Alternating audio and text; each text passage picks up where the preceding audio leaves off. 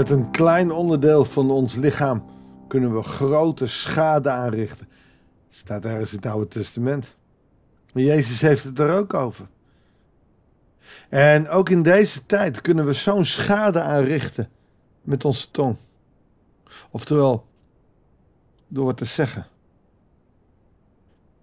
Soms beschadigen wij meer mensen door hen te beledigen of door lelijke dingen te zeggen, dan dat grote machthebbers een aantal mensen weten te beschadigen. We moeten uitkijken dat wij niet worden zoals zij. Vandaag gaat het over jouw spreken. Goedendag, hartelijk welkom bij een nieuwe uitzending van het Bijbels Dagboek. Van Romeinen gaan we naar Matthäus, Matthäus 15, vers 1 tot en met 20.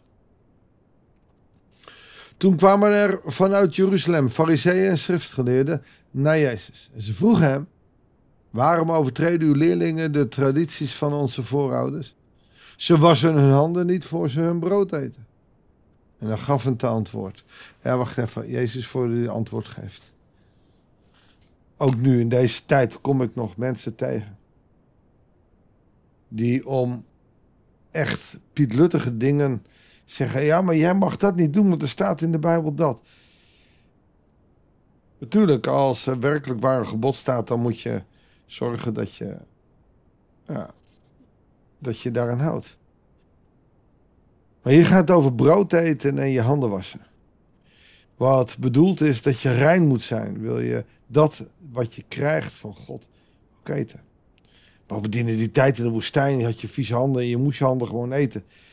Maar, dat eh, was, je moest rein zijn. was niet alleen maar de heiligheidswetten, maar was ook nog eens een reinigingsritueel. Het gebeurt wel als ik gewoon achter mijn computer werk, dat ik niet direct 1, 2, 3 mijn handen was als ik een boterham pak. Maar als ik in de tuin gewerkt heb, ga ik toch echt wel mijn handen wassen voordat ik überhaupt wat eten pak. En zo zie je dat de interpretatie door de fariseeën zo letterlijk wordt genomen. En dat is niet erg. En Jezus zegt ook niet dat ze verkeerd zijn. Maar dan. Hij gaf hen ten antwoord. En waarom overtreedt u het gebod van God? Alleen om uw eigen traditie in stand te houden. Want God heeft gezegd: Toon eerbied voor uw vader en moeder. En ook wie zijn vader of moeder vervloekt, moet ter dood gebracht worden. Maar u leert wie tegen zijn vader of moeder zegt: Alles wat voor mij is en voor u van nut had kunnen zijn, bestem ik tot offergave. Die hoeft zijn ouders geen eerbied te tonen. Zo ontkracht u het woord van God uit eerbied voor uw eigen traditie. Huigelaars. Wat gebeurt hier nou? Want als je het de eerste keer leest, denk je, nou ja, het is wel netjes wat ze hier allemaal doen, dus doen ze nou echt verkeerd. Wat was in die cultuur de traditie geworden? Bij de wetten van de Fariseeën, dus niet die van Deuteronomium, hoewel het daar wel uit voortkomt, maar gewoon een, een of andere wijziging is gekomen door de Fariseeën, een eigen interpretatie. Heeft God gezegd, weet je, je moet je vader of moeder eren. En de Fariseeën zeiden, nee, oké, maar je kunt het ook als offergave aan de tempel geven. Dan hoef je het niet meer aan je ouders te geven. Dat betekende dus dat wanneer je in een slechtere relatie stond met je ouders, je ouders niets hoefde te geven. Maar het was ook de verrijking van de tempeldienaars. Zij kregen hier heel veel geld mee binnen. En alles om daarmee je ouders niet te hoeven eren. Daarmee overtreed je dus de wet van God. Want God probeert de relatie met de ouders zo op een, een of andere manier goed te houden. In ieder geval formeel ook nog de wetten zo te hebben. Dat er op een of andere manier uh, nog contact met die ouders is. Want anders hebben ze niks. En ik zie het om me heen op dit moment gebeuren. Zoveel ouders die geen contact meer hebben met de kinderen. En dan ga ik niet, niet eens hebben over de schuld. Wie is de schuldige? Maar het gebeurt bij zoveel. En je ziet zoveel pijn en verdriet. Nou, dat wil God voorkomen. Door te zeggen: eert uw vader en moeder. Daar staat niet: hou bloed veel van ze. Maar eert ze, respecteer ze. Kijk, als je van je ouders houdt, is er niks aan de hand. Dat gaat goed. Dat betekent niet dat je alles zomaar kan of mag doen. En deze regel was door de fariseeën ingesteld om hun eigen traditie in ere te houden. Huigelaars. En dan zegt hij, wat is Jesaja's profetie toch toepasselijk voor u? Dit volk eert mij met de lippen, maar hun hart is ver van mij. Te vergeefse veren ze mij, want ze onderwijzen hun eigen leer, voorschriften van mensen.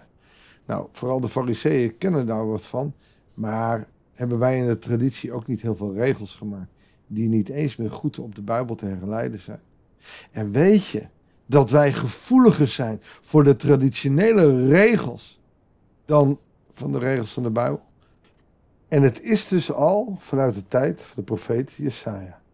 Nou, allereerst als je leest wat die profetie zegt. Dit volk eert mij met de lippen. Nou, dat herkennen we ook. Hè? lezen we Jesaja 15, vers 8 en 9. Dit volk eert me met de lippen, maar het gaat niet om het hart.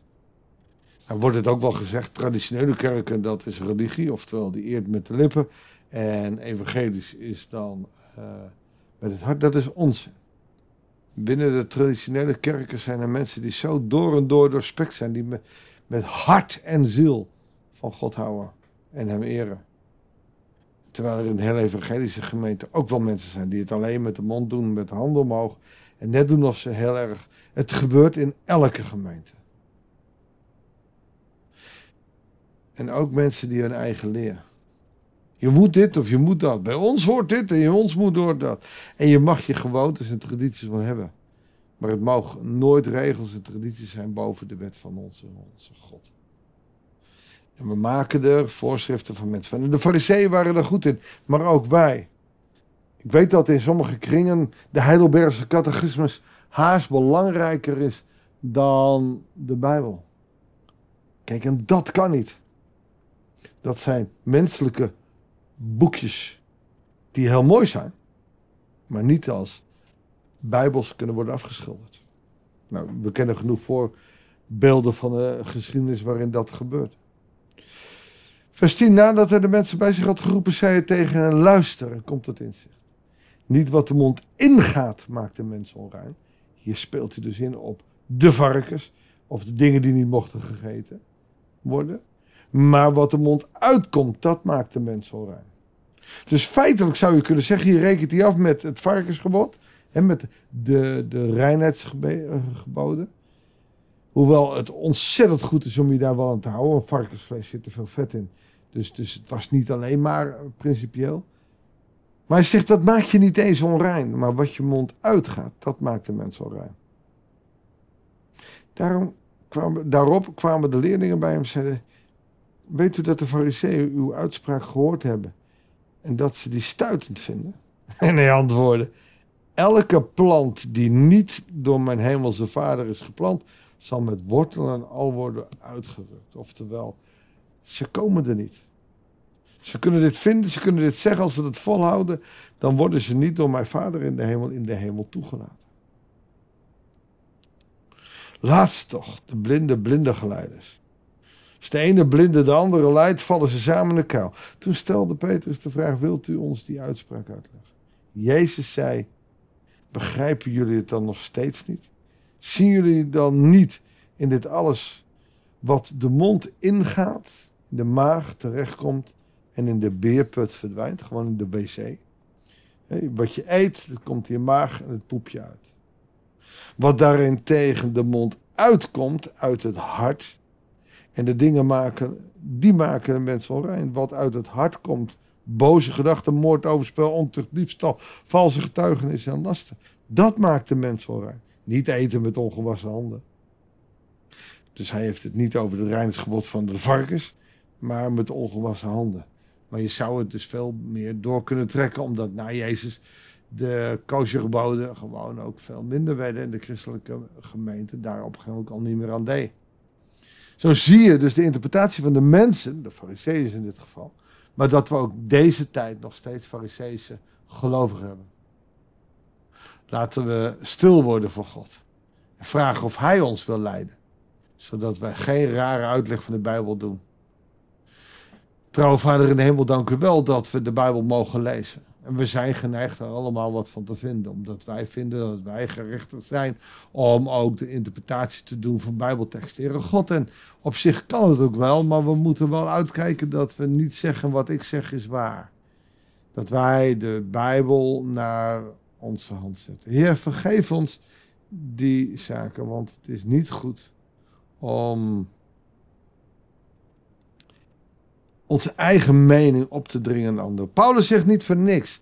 Achter anderen uitnemen dan zelf. Dat betekent niet dat de ander altijd gelijk heeft. Maar hij leert ons daar nederig te zijn.